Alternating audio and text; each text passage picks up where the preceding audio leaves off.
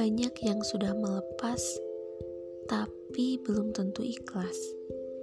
Bukan tidak mau, tapi membiasakan diri tanpa kehadiran seseorang yang sudah lama tinggal memang tidak semudah itu. Tentang rasa yang tak mudah hilang dan bahasa rindu yang tak menentu yang hadir tiba-tiba tanpa kau mau. Mau maju terlalu sakit, menjalaninya pun terlalu sulit, sulit buat mengulang dan hanya bisa mengenang. Mau mencoba buat melupakan, tapi terlalu berat.